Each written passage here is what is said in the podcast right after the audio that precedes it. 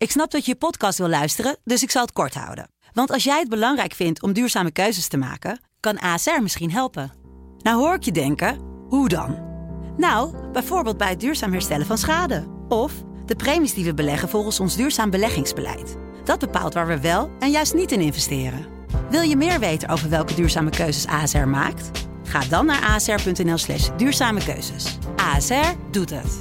Zo, dan kan je nu lekker naar je podcast luisteren. Ik vind dat zeer opmerkelijk dat de ondernemerspartij VVD gewoon keihard eh, hier het midden- en kleinbedrijf een enorme poot uitdraait. Nou, in totaal zijn er in Nederland uh, uit mijn hoofd uh, 438.000 en uh, 400 mensen. Ja, heb je je blij? Je hebt niet eens een blaadje Nee, voor ik heb het toevallig net opgezocht. Dit is Kwestie van Centen. Een podcast van de Financiële Telegraaf met Martin Visser en Herman Stam. Hartelijk welkom. Ladies and gentlemen, we got him. De koopkrachtdeal. Yo, vorige week zaten we nog uh, volledig... Nou, je weet er wel wat van te maken. Vond ik altijd zo lekker klinken. En ik heb ooit uh, die Paul Brammer geïnterviewd die dat riep over uh, toen hij Saddam Hussein... Nou, die, liep het, die riep het wel iets beter. Ja, ik deed even, een beetje ik denk bescheiden. gewoon even gewoon over moet. We, laten het wel, we gaan natuurlijk niet knippen, we laten het wel in. Even nog opnieuw. Maar ik vond het ook niet zo pas om hem heel erg in de, in de overdrijf te doen. Ladies zo, and gentlemen. Zo blij zijn we niet mee, toch? Hoe klonk het ook alweer? We got him. Ja, precies. Dat. En uh, gejuich in de zaal volgens mij uh, Ja. destijds. Maar nu uh, wat Nee, minder een beetje een heel ander onderwerp, Ja, nee, zeker. Uh, laten we eens even luisteren hoe blij uh, onze bewindslieden ermee waren. Het was een hele ja, goede serie, heel intensief. We hebben er een tijdje aan besteed, maar uh, ja, zoals we zeiden, grote uitdagingen. Mooi afgewogen pakket, denken we. Morgenavond ministerraad. Ja, het is gewoon heel complex. Het is echt heel complex. En uh, de vraagstukken die er liggen zijn ook echt omvangrijk. Maar uh, mooi pakket. Nou, Martin, dat is ook niet zo gek dat ik niet zo heel enthousiast doe. Want deze mensen zijn ook niet echt, staan ook niet echt op de banken, toch? Nee, maar dit was half zes morgens. Nou ja. Ja dan Dus ik weet niet hoe jij er eh, meestal aan toe bent half zes morgens. Dat is mijn happy moment. Maar dan na een hele... Ja, dan ja, is ja. het nog stil in huis. Dan kan ik alles nog doen. Geloof Dan zijn de krantjes vers. er geen dan ben ik En, het eh, zonnetje in huis. Nou, dat het dan stil is, dat begrijp ik wel. ja, dat wel. Nee, maar goed, ze hadden een hele nacht doorgehaald. Dus eh, dit was eh, ja, een beetje surrealistisch uh, tafereel was dit. Want de collega Leon Brandsma en alle andere Haagse journalisten hadden de hele nacht voor de poorten van Financiën gezeten. En dan kwamen er twee van die doorwaakte eh, bewindslieden naar buiten. Die alleen maar zeggen dat er een deal is. En dan vervolgens niet zeggen wat erin staat. Goed, Mhm. het was een kwestie van uren en toen lekte alles Toen kwam alles. Nou, er is nog genoeg te bespreken, want er is wel van alles uitgelekt. Maar er is ook alweer commentaar geweest en sommige dingen zijn nog wat onduidelijk. Eh, nou, dat gaan we vandaag doen. Ja. Grappig ook wel, of grappig, niet, niet toevallig natuurlijk dat vorige week erover hadden van nou gaat het überhaupt wel lukken. Het Ja. is gelukt. Ja. Wie heeft nou, als we daar eens even mee beginnen, het meest gewonnen? Want dat Ja. willen wij als journalisten natuurlijk altijd weten. Ja, Toch. Kaag met er, eh, met er mededelingen van het, eh, het sowieso gaat er dit jaar nog niks gebeuren. Nee. Dat hoort zij te zeggen. Als Nou, kijk, ja, ik vind het wel lastig. Het is ehm, ehm, inhoudelijk gezien is het een soort schot hagel, heb ik het ook in mijn column genoemd, omdat er namelijk heel veel in zit. Ze proberen allerlei groepen te bereiken. Maar misschien is het politiek gezien ook wel een soort schot hagel. Dat vind ik wat, ook wat lastiger te plaatsen. Maar in ieder geval in die zin dat het wel een heel groot pakket is van meer dan 15 miljard. Dus daar zijn bepaalde politieke partijen ook heel tevreden mee. Maar dat Kaag misschien tevreden is dat het maar beperkt impact lijkt te gaan hebben op de staatsfinanciën omdat een groot deel eh, van de rekening eh, niet per se door de overheid wordt betaald. En als dat zo is, komt dat voor een deel uit de extra inkomsten die ze ook hebben. Uit de gasbaten en, eh, en bijvoorbeeld btw-inkomsten. En er lijkt, het lijkt ook wel vast wat lekkers in te zitten voor de linkse oppositie. Eh, namelijk, er wordt gekeken naar de, de deel van de financiering is dus ook hogere belastingen voor bedrijven. De vermogensbelasting in box 3 eh, gaat iets omhoog. Dus in die zin lijkt het wel een soort pakket te zijn Waarbij niet alleen de vier coalitiepartijen eh, min of meer aan hun trekken komen, maar dat er ook al gekeken wordt van hoe kunnen dit langs de oppositie. sleuren. PvdA en GroenLinks moesten tevreden worden gehouden, Ja. want die moeten ook meestemmen. En die vonden het belangrijk dat, En in de eh, reacties- dat het bedrijfsleven ook moet bloeden hiervoor. Ja, en, en vermogenden. Dus, dus ze hebben dit, dat zagen we ook een beetje aankomen. Ze hebben natuurlijk de hele koopkrachtdiscussie nu vermengd met de hele discussie over rijk en arm en vermogens. Je ziet het eigen huis blijft ongemoeid, want dat zou allemaal veel te ingewikkeld zijn. Maar ik vind het nog heel wat hoor, dat ze dus wel nu aan die knoppen van, van bedrijfsleven en vermogens gaan draaien. Terwijl ik denk, van, bekijk dat nou gewoon los hiervan. En ga dan niet ad hoc zitten doen. Maar goed, hebben ze het toch gedaan. Dus ja, dat valt ook wel op. En je ziet dus ook wel in de reactie van de oppositie, daar komt niet primair inhoudelijke reactie van, maar hun reactie gaat wel over de timing. Dat het teleurstelling is dat de maatregelen allemaal pas bij 1 januari ingaan en niet, niet nog in het lopende jaar. Dus dat is wel opvallend. Dus dat lijkt erop te duiden dat de oppositie met de inhoud wel een soort van kan leven. Ja, eerst eens even naar, die, eh, naar de VVD, die, eh, die ooit een ondernemerspartij. Ik begin er steeds meer aan te twijfelen of ze dat überhaupt nog zijn. Want waarom moeten ondernemers hier nou zo hard voor bloeden? Die kunnen toch ook niet zo heel veel aan doen dat er een Ja. eh, invasie in Oekraïne idee. heeft plaatsgevonden? Nee. Wat, Nee, nee. wat is Nou, het ga- achterliggende idee Dan erachter? gaat het natuurlijk niet om de schuldvraag van wie kan hier iets aan doen en die moet betalen. Nee, maar dat is heel wonderlijk. En voor mij hebben we het vorige week ook over gehad. Van, ja, je kunt er misschien ook voor begrip voor opbrengen als je probeert om de grootste bedrijven extra te belasten die echt profiteren van die inflatie. Nou, voor een deel lijkt het ook te gebeuren met de mijnbouwheffing. Ik wist niet Ja. dat die bijzonder, ik heel eerlijk ben. Maar een dat, heel eh, ouderwets eh, Heel ouderwets, begrip. hè? En, eh, ehm, Ja. eh, voor bedrijven die, die, die gas en olie winnen. Ja. Overigens is het zeer de vraag of je daarmee echt de grote olieconcerns te pakken neemt. Maar in ieder geval, die belasting gaat iets omhoog, die heffing. Ja, daar Ja. gaan ze zelfs 2 miljard geloof ja, ik mee. ja, dat eh, gaat om hele grote bedragen. Ja. Dus dat gebeurt wel, maar niet de Unilevers en zo, dat dan weer niet. En de Maar dat is even heel praktisch. Is dat als, eh, nou laten we zeggen, eh, Shell dus met, met ja, die hebben zoveel BV's over de hele wereld. Maar het deel wat ze dan hier verdienen, dat je daar eigenlijk gewoon meer belasting op gaat heffen. Ja, dat zou de gedachte zijn. Dan, voor mij heeft het ook wel te maken met, je moet ook wel echt olie en gas hier winnen. En, Hmm. eh, ehm, dus de NAM bijvoorbeeld, daar zit ik Shell natuurlijk wel in, is, is daar een voorbeeld van. Dus er zijn, eh, er zijn wel allerlei partijen die eraan moeten gaan betalen. En het levert blijkbaar behoorlijk wat geld op. Dus dat is in ieder geval een poging wel om bepaalde bedrijven meer te belasten die echt profiteren. eh, heel rechtstreeks van die hoge gasprijzen. Maar je ziet een groot deel van de rekening komt bij bedrijfsleven dat helemaal hier niks mee te maken heeft. Namelijk eh, ja, met name BV's, waar de box 2 eh, eh, belasting omhoog gaat. Mhm. Ehm, niet Is, dat, zozeer- is dat dat deel, eh, de, die, die zelfstandige aftrek? Die, Nee, dat is weer, dat iets anders. Dat is ZZP'ers. Ja, ja, ja. En eh, nee, box 2 is natuurlijk voor, voor BV's. En eh, daar gaat niet zozeer, wat uitgelekt is, het tarief omhoog. Maar de, het- inkomen wat je als directeur-eigenaar jezelf moet uitkeren. Daar zijn regels voor. En die regels zijn nu zodanig dat de DGA's, directeur groot aandeelhouders, zichzelf een groter inkomen moeten uitkeren. En daar ga je dan belasting over Mhm. heffen. De facto gaat dan dus de belasting omhoog. Voor box 2. Maar de, ja, de grootste opvallende vind ik is het feit dat dus eh, de, de winstbelasting, de vennootschapsbelasting omhoog gaat. En dan niet voor het grootbedrijf, maar voor het middenbedrijf. En Mhm. dat vind ik zo heel erg opmerkelijk. Dat gaat met een aantal procentpunt gaat het omhoog. Ja, vanaf een 15 en bepaald 19. bedrag is dat altijd. Hè, Ja, toch? dus gaat, eh, er wordt de laatste jaren heel veel mee ge- geschoven. Je hebt twee tarieven in, eh, in, in de vennootschapsbelasting. Inmiddels, ja, ik ben gaandeweg een beetje de draad kwijtgeraakt. De bedoeling was dat alleen bedrijven met winst van meer dan 4 ton dan het hoge tarief zouden betalen. En onder de 4 ton het lage tarief. Dat is weer geschoven, die grens naar 2 ton. Dus je komt alweer sneller in aanmerking voor het hoge tarief. Maar gewoon bedrijven tot 2 ton winst betalen dan 15% nu. Maar dat wordt opgehoogd naar 19%. Dat is toch een forse stap met de 4% punt. Ja, dat treft dus vooral tienduizenden, zo niet honderdduizenden middelgrote bedrijven. Die vermoedelijk eerder last hebben van wat er nu allemaal gaande is. Dan dat ze nou enorm profiteren Mhm. van die inflatie. Maar dat zijn natuurlijk allerlei bedrijven die natuurlijk ook last hebben van een hoge energierekening. Ja. Weet je, dus die last hebben van de stijgende grondstofprijzen. Last hebben gehad van, eh van het hele probleem van toeleveringen en, en, en leveranties. Ehm, ja, ik vind dat zeer opmerkelijk dat de ondernemerspartij VVD gewoon keihard eh, hier het midden- en kleinbedrijf eh, een enorme poot uitdraait. En ik, ik kan daar geen inhoudelijk argument voor bedenken. Maar het moet gefinancierd worden, vooral de plannen, of niet? Is het niet zo nou, op die ja. manier bekeken van luister, is- we hebben dus aan de ene kant gaan we wat uitdelen en we moeten het ergens vandaan halen om nou, in ook die zin uit is, te kunnen delen. Ja, in die zin is misschien Sigrid Kaag ook tevreden. Omdat inderdaad eh, de mate waarin dit terugslaat op de, de overheidsbegroting dus ook wel beperkt blijft. Nou, vanuit de optiek van financiën is dat begrijpelijk. Want dat is natuurlijk hun rol om, om, de, om dat ook te beperken.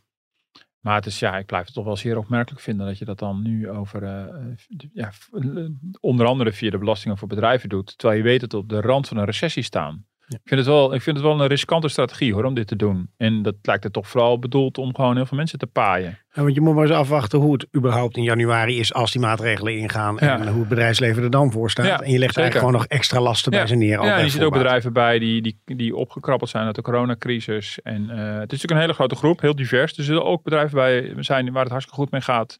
En die misschien van de recessie wat minder last zullen hebben, ongetwijfeld. Maar het is een hele generieke maatregel voor al die middelgrote bedrijven die gewoon nu fors extra belasting gaan betalen. Je hebt eh, een interview net achter de rug. Daar eh, mogen we, nou ik weet niet hoeveel we erover kunnen zeggen. Want dat is ook eh, hot nieuws volgens mij. Wat ook Ja. de krant gaat halen. Want die Ja. werkgevers, nou ja dat schepbeeld schets je al. Die zijn niet happy. Dat Nee, zal mensen nu niet meer zo verrassen hierna. Maar die zitten er behoorlijk geharnast in volgens mij. Ja. En de strijd is nog lang niet over. Want Nee, we gaan richting Prinsjesdag. precies. Maar Het rommelt. Wat, Nou, voor de goede orde, het was een interview met Ingrid Thijssen en Jacco Vonhoff, eh, de voorzitters van VNO en MKB, dus de werkgevers. Die eh, hadden hun kruid nog wat droog gehouden deze week en wilden graag in de Telegraaf vertellen wat ze nou echt van deze, van deze plannen vinden. Eh, uitgebreid zaterdag in de krant en ongetwijfeld eerder al op deze vrijdag dat we dit opnemen online te lezen. Ik ben er, ben er nog druk mee bezig. Gisteravond en donderdagavond heb ik ze geïnterviewd nadat ze een, voor mij een, een, een, een dampende bestuursvergadering hadden meegemaakt. Ze schetsen dat beeld dat er een, eh, dat er een gezamenlijke vergadering was van VNO en, en MKB van hun bestuur. Dat er 200 man aanwezig was van allerlei branches. Ja, Even voor de mensen ook, want dan heb je een beetje de grotere bedrijven en de kleinere Ja, bedrijven. dan heb je, alles, ja, heb je alle ja, sectoren en branches bij elkaar. Sommige branches zijn overigens dubbel lid. Die zijn van allebei eh, lid. Maar dit was een, eh, een gezamenlijke bestuursvergadering van 200 bestuursleden, brancheclubs. Nou, de hele bedrijfsleven was daar vertegenwoordigd. Ja, die zijn natuurlijk diep ontgoocheld door dit, deze koopkrachtdeal. Vooral ook omdat hun strategie die ze hadden, dus totaal is mislukt, namelijk strategie was om te kijken of je tot een soort polderakkoord kon komen. Mm. Daar zijn ze al sinds het voorjaar, februari, maart, zijn ze er al mee bezig. Dat hebben we ook in de krant over geschreven. Een gegeven moment ontdekte ik van, oh ja, ze wilden gelijk oplopen met dat voorjaarsnota destijds. Daar hebben we ook uitgebreid over gesproken in de podcast. En toen met de voorjaarsnota is het niet gelukt. Ze hadden heel graag samen met kabinet en vakbonden tot een soort deal gekomen. Want ze zagen aankomen, hier komt er een heel groot koopkrachtprobleem aan. En dus ook een loondiscussie. Misschien kunnen we daar iets mee. En toen was de hoop van, nou, misschien wordt het dan richting Prinsjesdag. Nou, de FNV, de vakbond, heeft er steeds wat ambivalent ingezeten. Heeft zich in onze krant al een aantal keer expliciet uitgesproken voor zijn akkoord. Maar tegelijkertijd gezegd dat gaat heel moeilijk worden. Dus je zag de FNV, ja, die, die, die was wel een beetje, speelde een beetje hard to get. En uiteindelijk is er gewoon geen fluit van terecht gekomen. Mm. Dus die zijn natuurlijk diep teleurgesteld. Want de strategie, om eigenlijk met een gedachte af te maken, was natuurlijk als je eh, vanuit werkgeversperspectief bezien, als je een sociaal akkoord kan sluiten, dan hebben we invloed op wat er daar eh, in die kabinetskamers gebeurt. Ja, want dan kun je zeggen, luister, wij zijn dit al aan het compenseren. Dan Ja. hoef je niet Precies. ons nog allemaal extra ja, te dus ze raken. hadden natuurlijk met wat, gehoopt, en dat is dus niet gelukt, dat ze deze belastingverzwaring konden voorkomen. En dat ze dan in ruil daarvoor iets zouden doen in de loonsfeer of iets, dergelijks. Ze hadden al een, een opzetje gegeven voor de zomer. Bij ons in de krant had ik toen Jacco Vonhoff. En die, deed, eh, eh, die opperde het plan van probeer nou de energiekosten even uit die inflatie te halen. Die zegt, de inflatie is krankzinnig hoog. Inflatie is echt, echt al lang niet meer alleen energie.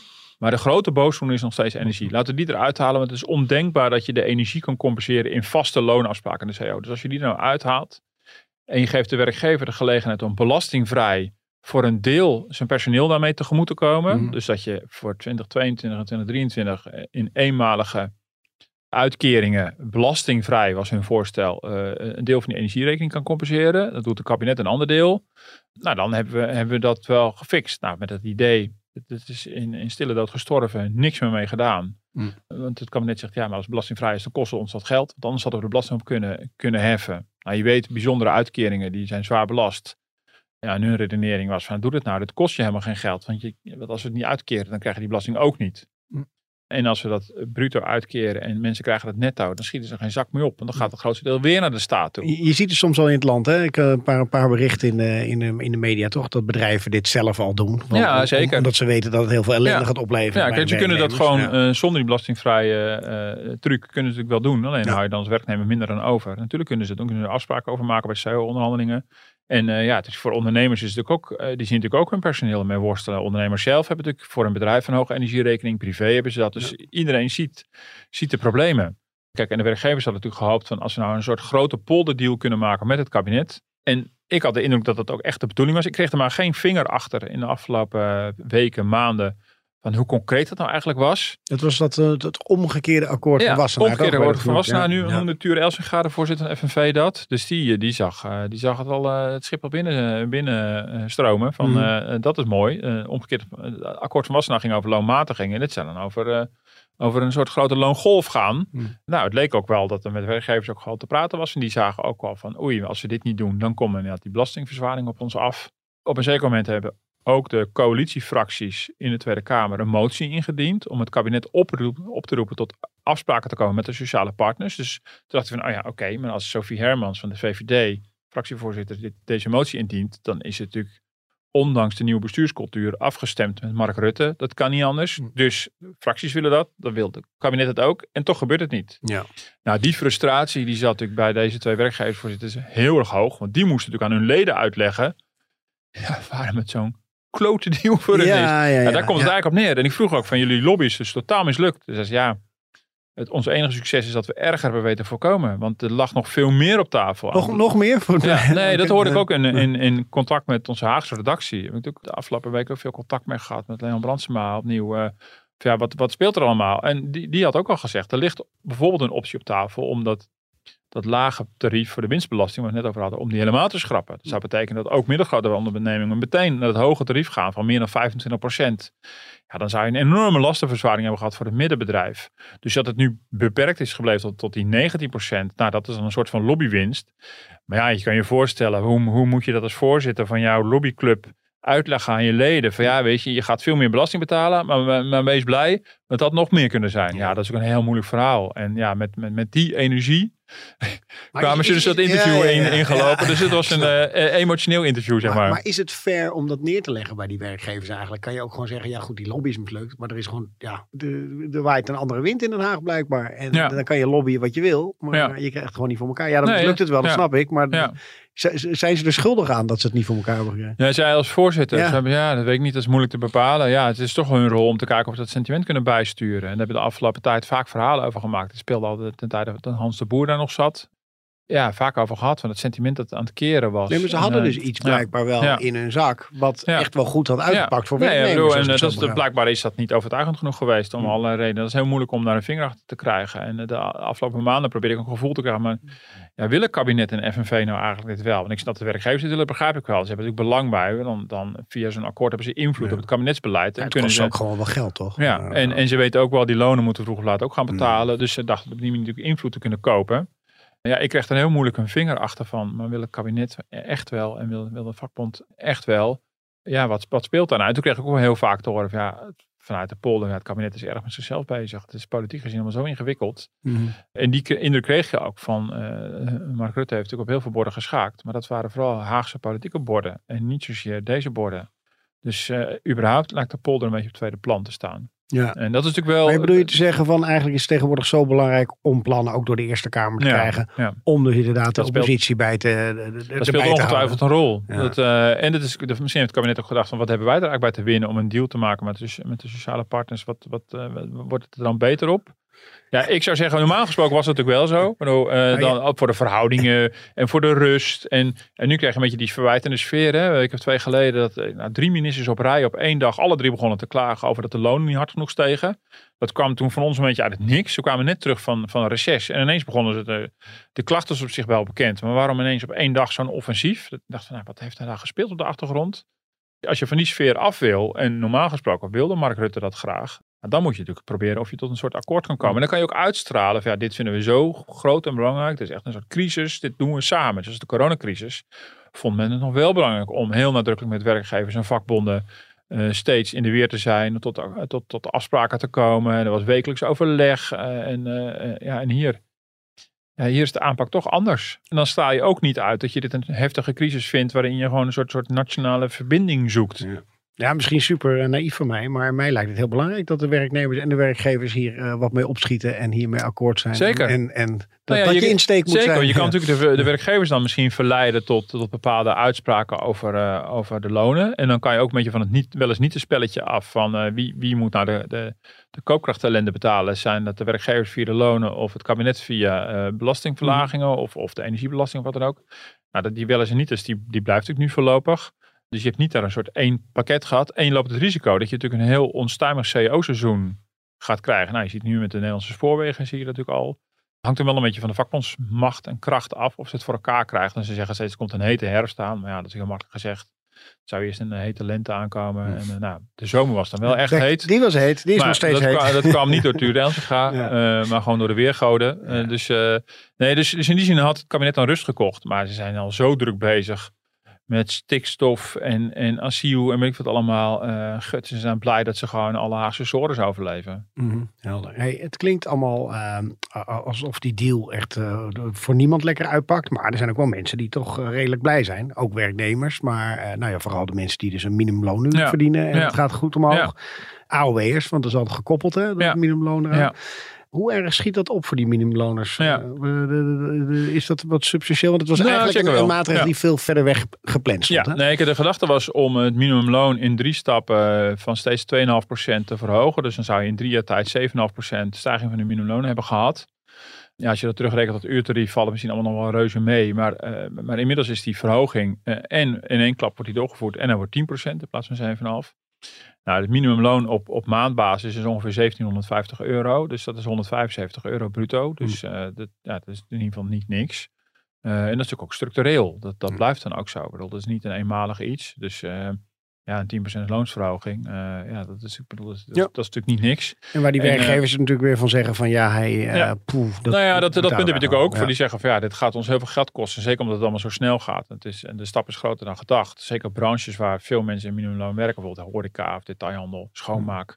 Eh, ja, die zullen natuurlijk een forse stijging van hun loon Moet je heel goed gaan kijken per 1 januari als je een horecazaak hebt van Ja, oh jee, wat kan betekent ik dit het allemaal wel zo betalen? Ja, zeker. En je hebt dus mensen op het minimumloon die omhoog gaan. En dan heb je vervolgens ook mensen die daar nog tussen zitten. Die dus eigenlijk, die nu net boven het minimumloon zitten. Maar die dan ineens onder het nieuwe minimumloon Mhm. uit zouden komen. Dus die moeten ook mee gaan moet stijgen. Ja. Dus, eh, dus eh, de economische... Weten we dat eigenlijk al, om hoeveel mensen dat gaat in totaal? Eh, Want, nou, in totaal zijn er in Nederland uit mijn hoofd eh, 438.000 en eh, 400 mensen. Ja. Ik, heb je je blaai? Je hebt niet eens een blaadje nee, ik voor heb je. het toevallig net opgezocht. Oké, nou veel knap dat je het onthoudt überhaupt. Ja. En als ik er 100 naast zit, dan, eh, heb jij dan mag je mailen Ja, ja. naar m. Nee, volgens CBS eh, 438.400 mensen werken in Nederland op het minimumloon. Hm. Als percentage van de pak aan beet 8,5 miljoen mensen die in Nederland werken, is het ook wel weer bescheiden. Maar het gaat dus wel honderdduizenden mensen. Die gaan er dus in die zin op 10% op vooruit. En dan dus al die mensen die daar net boven zitten, die moeten automatisch mee. En de, ja, de, economische theorie is een beetje dat het op een gegeven moment het hele loongebouw op gaat tillen. Dat moet ik eh, met een beetje blijken. Dus een beetje de vraag dat als je of dat ook geldt voor een branche waarin niemand op minimumloon werkt. Want die zijn er ook gewoon. Waar, waar ik gewoon de, de onderste CAO, de loon, een loongebouw van die loontabellen Mhm. eh, in de CAO. En er zijn natuurlijk heel veel branches die beginnen gewoon op eh, 130% minu- minimumloon. Weet je, en dus de vraag Oh ja, of als je ze op... dat 130 laten staan, dat ze de, ja, ja, Ja, dus de vraag van, ja, blijf, laat je dat zo staan? Of heb je zoiets van, ja, weet je, bij ons hebben we geen minimumloners, dus we laten we lopen. Maar de theorie is van, dit, dat trekt het hele loongebouw omhoog. Nou, dat zal zeker voor de branches gelden waar veel minimumloners werken. Ja, dus dat heeft wel impact. Nou ja, en wat je zei, ja, die koppeling. Het normale minimumloon is inderdaad aan bijstand en AOW gekoppeld. Maar de bedoeling was natuurlijk aanvankelijk om die extra verhoging alleen voor de bijstand door te voeren en niet voor de AOW. Dat heeft financiële redenen, omdat het best wel duur is. Maar het had ook een reden omdat dat bijstand en AOW in de loop van de jaren wat uit elkaar is gaan lopen. Dus er was wel inhoudelijk ook wel een reden om, om vooral de bijstand bij te plussen en AOW wat minder. Maar goed, dat is politiek gezien niet te voorkopen.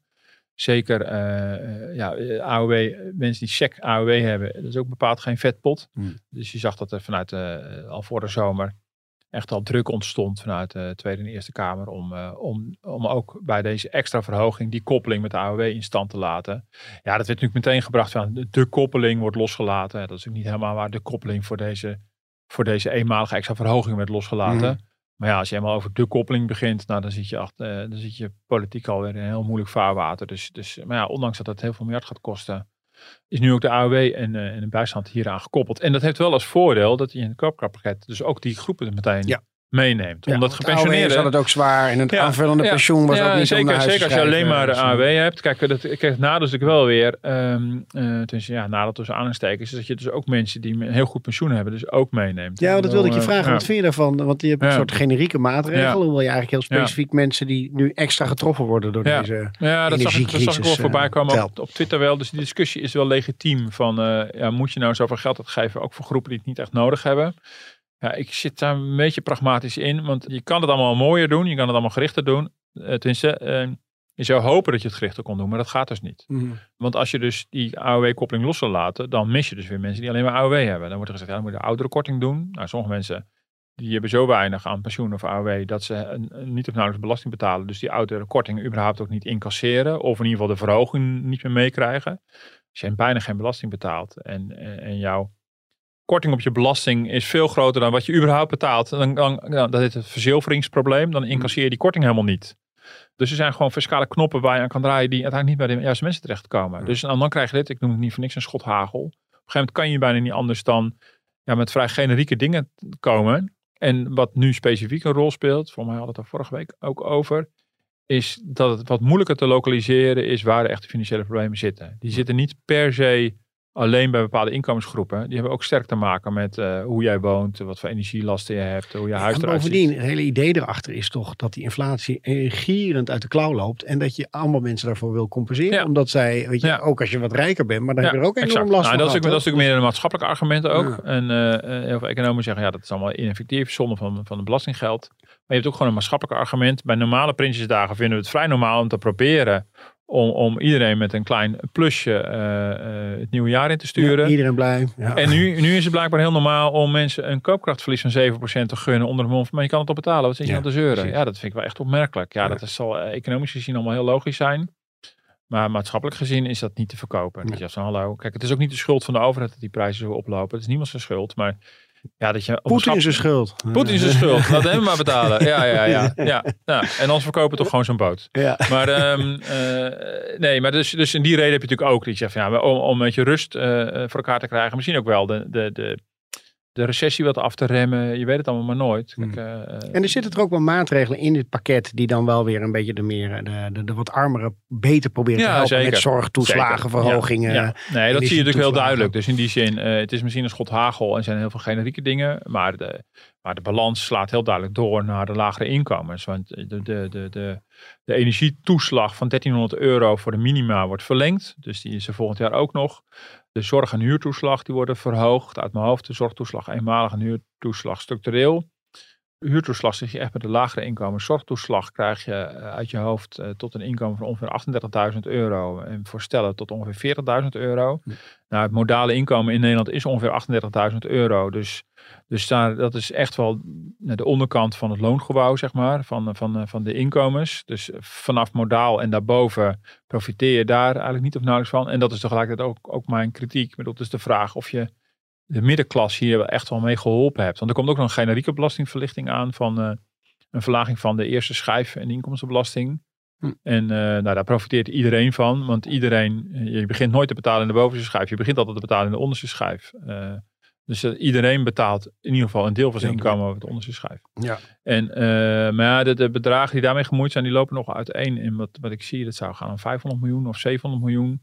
Ja, ik, ik, ik heb zo'n beetje zo'n gut feeling. Ik ben geen CPB'tje in mijn eentje, maar ik heb het gevoel dat dat gewoon qua koopkracht niet zo heel veel zoden aan de dijk zet voor die middengroepen, Hm. denk ik. Maar ik ben heel nieuwsgierig naar eh, de, de plaatjes die hier uitrollen voor de verschillende inkomenscategorieën. Hey, en eh, ik zag ook nog een, een puntje over die overdrachtsbelasting. Ik sloeg er een beetje op aan, omdat ik ook deze week in onze krant een verhaal zag van een eh, grote vastgoedondernemer. die Oh ja. zegt van nou, ik ga in Nederland eigenlijk helemaal niks meer Ja. doen, want ik word Ja. gek van die plannen. Ja. En denk ja, dan komen ze toch in dat plan met een overdrachtsbelasting. die Voor de niet-woningen heet dat dan. Precies, de voor niet-woningen. bedrijfspanden zou ik gewoon Ja, zeggen. precies. Ja. Nee, de niet-woningen. Ja. ja. Ja, nee, dat ik echt zo'n CBS-term, niet-woningen. Ik denk Ja. dan ook van, ja jongens, we hebben het in het begin even gehad over die Ja. hele cultuur en hoe er gekeken wordt naar ondernemerschap in Nederland. Ja. Van ja, wat wil je dan op een gegeven moment in die Ja. markt ook? Ja, dus nou, maar je ziet, wat je natuurlijk wel ziet, is dat er gewoon, eh, we hadden het net al even over, eh, over überhaupt de lasten voor bedrijfsleven en het sentiment. Maar je ziet ook wel dat er een bepaald sentiment is en dat er bepaalde eh, taboes die er misschien eerder waren, er niet meer zijn.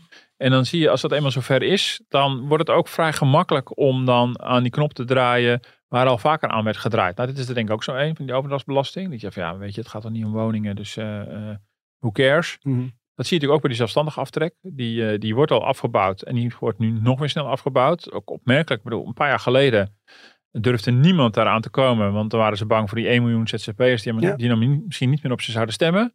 Ook, en, En- we wilden ondernemerschap aanjagen, dat je voor jezelf ging eh, beginnen. Ja. Ja. maar op een gegeven moment was het natuurlijk ook wel, had men ook wel in de gaten. Van, ja, misschien is het ZZP-schap in Nederland een beetje uit de kluiten Mm. gewassen. En, en hebben we men- mensen tot ondernemer verklaard die het misschien niet echt helemaal zijn. En die dat om fiscale redenen doen. Of dat eh, de werkgever slash opdrachtgever eigenlijk dat voordeel inpikt door die mensen voor een heel laag tarief aan het werk te zetten. En dan, dan, dan profiteert die opdrachtgever eigenlijk van die zelfstandige aftrek. Dus dat op een gegeven moment, dan zie je natuurlijk wel dat de discussie verandert. Maar politiek blijft het dan nog een heel poosje taboe omdat, omdat eh, nou, bijvoorbeeld D66, echt een ZZP-partij, die durft dan niet die ZZP'ers tegen het haar in te strijken. Want dat zijn toch iets te veel mensen. Ja, zijn ze eenmaal door het taboe heen, ja, dan, dan lijken ook alle remmen los. En, dan, en dat zie je op het vermogensgebied natuurlijk ook gebeuren. Nu een eerste stapje met het verhogen van, eh, van dat tarief in eh, box 3. gaat van 31% naar 34%, begrijp ik uit alle lekkages. Hm. Dat betekent over, Lekkage. eh, ja, dus uit, eh, uit het, ja, je spaargeld en wat je belegt, alles boven, als je met z'n tweeën bent, over, boven een ton, dan moet je belasting over betalen. En eh, nou, dat tarief gaat dus nog omhoog. En dan zie je, ja, is, is zo'n taboe er helemaal af. In het verleden zeggen met de AOW-leeftijd, met hypotheekrenteaftrek. Eh, heel lang wil men er niet aan. En als men er helemaal aan wil, dan is een knop waar heel gewillig aan wordt gedraaid. En bij elk volgende probleem denk je, oh, je had nog een knop die we weer mogen tegenwoordig. En dan woep, dan wordt er weer de Ja. knop gedraaid. En ja, zo zie ik deze ook een beetje. Ja. Lang antwoord op een korte vraag. Nee, nee, nee, helder. Ja. Nou, een beetje tot slot, want je, Hm. je, je hoort ook heel veel kritiek van luister. Oké, eerst even over die plannen. Die hebben volgens mij redelijk goed doorgenomen nu. Maar waarom moet dat allemaal pas in, per 1 januari? We hebben nu toch enorm last van, al die, eh, van de energiecrisis. Hoe kan dat dat we dat niet kunnen invoeren? nou, dat, dat komt omdat eh, toen jij en ik met vakantie waren, de ministers ook met vakantie wilden. Kijk, dat is een eh, antwoord. Nee, wat ik, kijk, even los van de techniek. We, de- Ja. daar, daar, daar, dat wil je natuurlijk vooral horen. Het is natuurlijk ook zo, dat het kabinet, het is een wel bewuste keuze geweest om het begrotingsoverleg gewoon te doen op een moment dat ze dat altijd doen. Dus Mm. ze hebben natuurlijk een heel vast stramien. En je ziet dat, dat de politiek altijd heel moeilijk daarvan afwijkt. Net als de CPB echt vaste momenten heeft van ramingen. Wat er in de wereld ook gebeurt. Ook al breekt de energie pleuris uit. We gaan gewoon weer eh, in maart is de laatste raming. En dan wachten we gewoon tot augustus. Ja. Maandenlang zie je gewoon, nou, dit wordt bijgesteld. Nee, we gaan wachten gewoon op het vaste Maar het is moment. ook lachwekkend. Net Ja. als met die voetbaltransfers. Dat het op het Ja. allerlaatste moment, omdat het dan Ja, naar dan de zie je van dus ook, komt. ja, het kabinet heeft, is, het is heel gebruikelijk. En op zich oh, heeft het ook een, heeft het ook een functie. Hè? Want anders wordt alles ad hoc. Dus ik begrijp het ook wel. maar Het heeft ook wel een functie om te zeggen, nou, oké. en dan gaan ze als we terugkomen van de zomervakantie. Dan gaan ze dan eens kijken. Dan heeft de CPB zijn nieuwste ramingen gemaakt. En is dat de input voor de begrotingsonderhandelingen. Ja, en dan, dan, dan, ja, dan gok je erop dat in de tussentijd de boel niet te zeer uit de klauwen is gelopen. Want dan is het moment om direct in te grijpen ook echt wel een beetje geweest. Mhm. Kijk, er, zijn, eh, eh, er is maar een beperkt aantal dingen die je heel snel had kunnen doen. Ja, dingen als die energietoeslag via de gemeente. Ja, als je dat per se wil, kan je zeggen, nou dan maak je toch 2000 euro van. En Dan, dan eh, geef je het probleem aan de gemeente door. Die moeten dat versneld dan uitvoeren. Maar allerlei fiscale knoppen, ja, dat wordt echt een, een, een rommeltje als je bijvoorbeeld de tarieven van inkomstenbelasting in het lopende jaar gaat veranderen. Mm. Ik heb me laten vertellen dat het technisch wel kan. Maar dat wordt echt heel ingewikkeld met het hele bouwwerk. De toeslagen hangen daarvan af. Ja, dus dat houden ze liever gewoon voor een heel jaar gelijk. Maar een BTW kan je per kwartaal kan je dat invoeren. Maar ja, als de begrotingsdeal pas in de laatste dagen van augustus klaar is. Mm. En je moet per 1 oktober een nieuwe BTW invoeren. Waarvoor ondernemers ook hun administratie moeten aanpassen. Dan begrijpen ze het niet meer reëel. Ja. En het is de vraag of de mensen die echt acuut in nood dreigen te komen. Of al in nood zijn op dit moment. Of die nou heel erg geholpen waren als een krop sla geen 9% maar 5% BTW had gehad. Ja, dat, ja, ja, ehm, ja. Dan, eh, maar wat ik dus wel, wat wel reëel is, wat ik wel een beetje mis, of een beetje, wat ik zeer mis, is dat je wel onderkent ehm, dat misschien de meeste mensen geholpen zullen zijn met maatregelen per 1 januari. De meeste mensen die, die zingen dat wel uit en die, die, die, die knopen de eindjes aan elkaar. Maar dat er zekere groepen zijn die, die nu al door het ijs aan het zakken zijn financieel. Daar wordt ook voor gewaarschuwd door het Centraal Planbureau, door het NIBUD. Eh, dat je iets klaar hebt staan voor die mensen. Hebben, hebben ze dat niet nog? Nee. Door- Voor met Prinsjesdag, want er is er altijd Ik een soort van... een- Hier niet- is nog een konijn uit de hoed. We hadden ook nog dit. Nee, dat hebben we nog niet niets over gehoord. Niets over gehoord. Kijk, het lastige is, als iemand nu in de financiële shit zit hierdoor, met als risico dat hij begint met schulden opbouwen, de betalingsachterstanden en dan krijg je een soort visueuze cirkel. eh, ja, dan, dan moet je aankloppen bij de gemeente. Die is daar in principe voor bedoeld. De vraag is of de gemeente daarvoor geëquipeerd is. Die hebben een bijzondere bijstand. Die is ook voor mensen die niet in de bijstand zitten. Dat is gewoon een potje, dat, daar kan je op claimen. Maar dit gaat natuurlijk, dit is wel een heel bijzondere situatie. En je had, ik had me voor kunnen stellen dat je op een manier wel probeert tot een soort aanvalsplan te komen. Dat je in ieder geval iedereen die, die vreest voor je 1 januari echt vast te komen zitten. Dat hij zich ook wel realiseert van ik mag me bij mijn gemeente melden. En Mm. daar ligt meer klaar dan het ene bedrag van 1300 euro. Daar zitten ook mensen klaar om mij te helpen. Dan gaan mensen mij helpen om te voorkomen dat ik in de schulden beland. Dan gaat iemand mij helpen om in gesprek te raken met mijn energieleverancier. Ja, daar hoor ik dus echt helemaal niks over. Dus het idee van eh, er is acute nood, hopelijk voor een beperkte groep nog. En daar moet je iets voor klaar hebben staan wat helemaal buiten deze fiscale knoppen omgaat. Ja, daar hoor ik helemaal niets over. Hmm. En dat doet me wel een beetje denken aan de coronacrisis. Toen kon men ook heel goed generieke maatregelen nemen. Maar toen, echt, toen het echt ging over de vraag, maar ja, wat nou met de ondernemers die de steun niet kunnen terugbetalen? Wat nou met de ondernemers die de uitgestelde belasting niet kunnen terugbetalen? Kan je een soort schuldenplan maken op nationaal niveau? Ja, ja, dat gaan we doen, eh, zei toen staatssecretaris Velbrief. Nou, dat is ook geen fluit van terechtgekomen. Het enige wat we kunnen doen is aan knoppen draaien.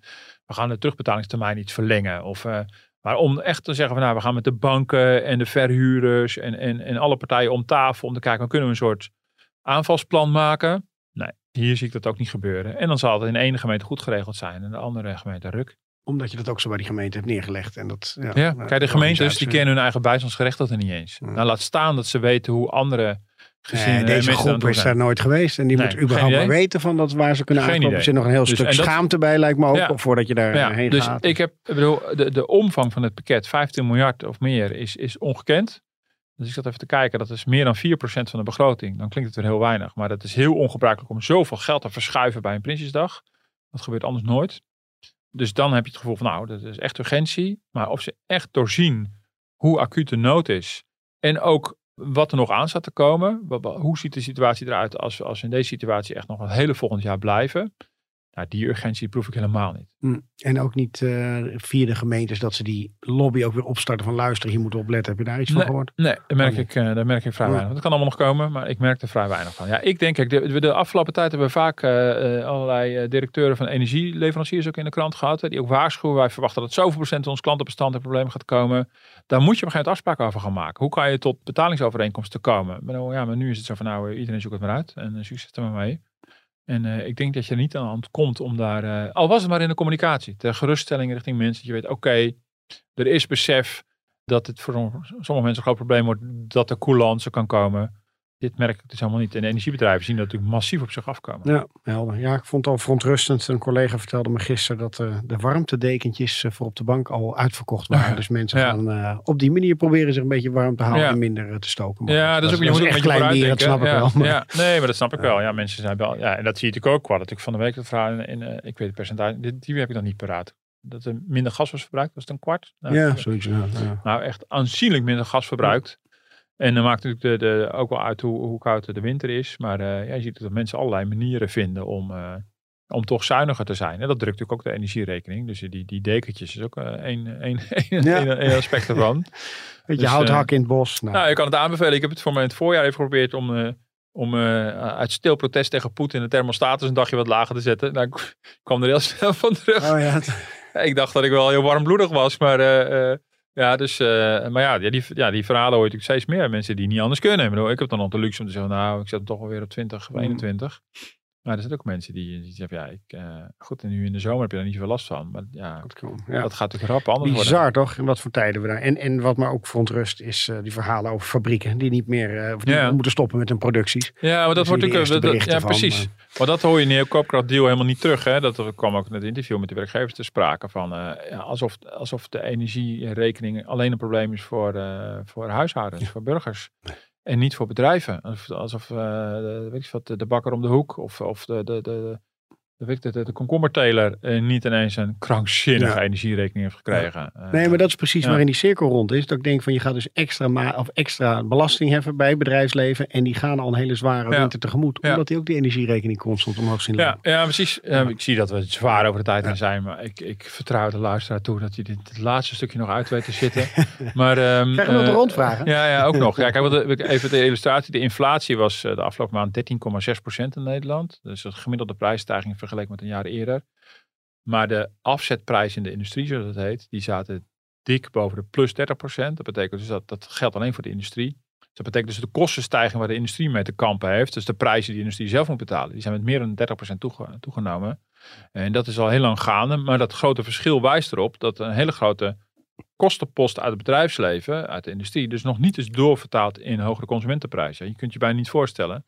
Maar er zijn dus heel veel bedrijven in die hele keten die dus een deel van die kostenstijging voor eigen rekening nemen. Ja. Ja, ja dat is een soort kostenprop Ja. die mogelijk ook nogal naar ons toe En dat komt. kan niet oneindig natuurlijk. Dat moet op een gegeven moment iets. Ja, eh, dat gaat gebeuren. tot eh, Ja. inderdaad of stilleggen van, eh, van bedrijfsactiviteiten, eh, stilvallende fabrieken leiden, eh, of omvallende bedrijven, of alsnog die prijsverhoging, of eh, interen op, eh, op winst en vermogen. Eh, ja, dat is, eh, dat is heel heftig. Dus Ja. eh, tegenover eh, de Unilevers die eh, kwispelend melden dat ze in staat zijn geweest om 75% van de prijsstijging eh, de consumenten in de maag te splitsen, staan er gewoon heel veel bedrijven met vaste klanten, die hun klant echt bij naam en bij gezicht kennen. Die denken, ja, maar ik kan het niet over mijn hart verkrijgen om, om, om mijn vaste klant na zoveel jaren goede relatie ineens met een prijsstijging van 15 of 20 procent op te zadelen. Mhm. Die dat dus niet doen en dus zelf in de problemen komen. Die voorbeelden zijn er ook. Helder. En dan eh, extra belasting betalen volgend jaar. Nou, volgens mij zijn we rond. We gaan wat vrolijkers eh, Rond, eh, ja. rond, rond, rond de rondvraag. Ja, kijk eens even aan. Daar is die weer het vertrouwde geluid. Heb je Ik- nog iets eh, wat... eh, Nee, ik op hoop dat jij iets moois hebt. En, eh, Nou ja, ik durf tegen jou niet over sport te beginnen. Oh, ja. Maar je zit tegenover me met een... ja, dat begin ik vaak Oh, ja. over als je deze polo aan hebt. Nee, Martin wordt gesponsord, mensen. En dat, dat, dat zie je niet op, op, de, op de radio, wil ik zeggen. In de podcast. Nee, je hebt een Mercedes tekentje. En je weet Ja. volgens mij niet hoe je aan die, hoe je aan, die- aan die polo komt, toch? ja, gewoon zelf verkocht in de winkel. Ja, dat is, Is dat online? is al bizar, vind ik. Maar goed. En het is Formule 1. Dus ik zat net, had ik natuurlijk de tv aan.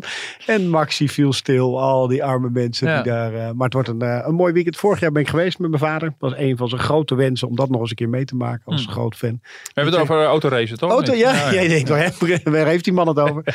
Ja, ik was Ah, inmiddels op de hoogte, maar je zei het net al tegen mij. Ik denk, eh, eh, Max, Nee, maar Max, ik vind het, ja goed, eh, ik vind het ook Ja. gewoon mooi dat we zulke sportevenementen weer kunnen organiseren. Ik weet al het gezeur erover. Maar ik heb de indruk van wat ik, wat ik er dan van meekrijg, dat juist deze emotie juist toch een onderdeel daarvan is. Ik bedoel, toch? Of dat niet? hij uitvalt nu. Ja, dat is natuurlijk niet leuk. Nee. Maar, eh, maar dat is natuurlijk ook een beetje de wispelturigheid van die sport volgens mij. Ja. Bedoel, toch? Ja. Het ene moment is hij ineens de grote man en is hij plotseling eh, winnaar nummer 1 en wat dan ook.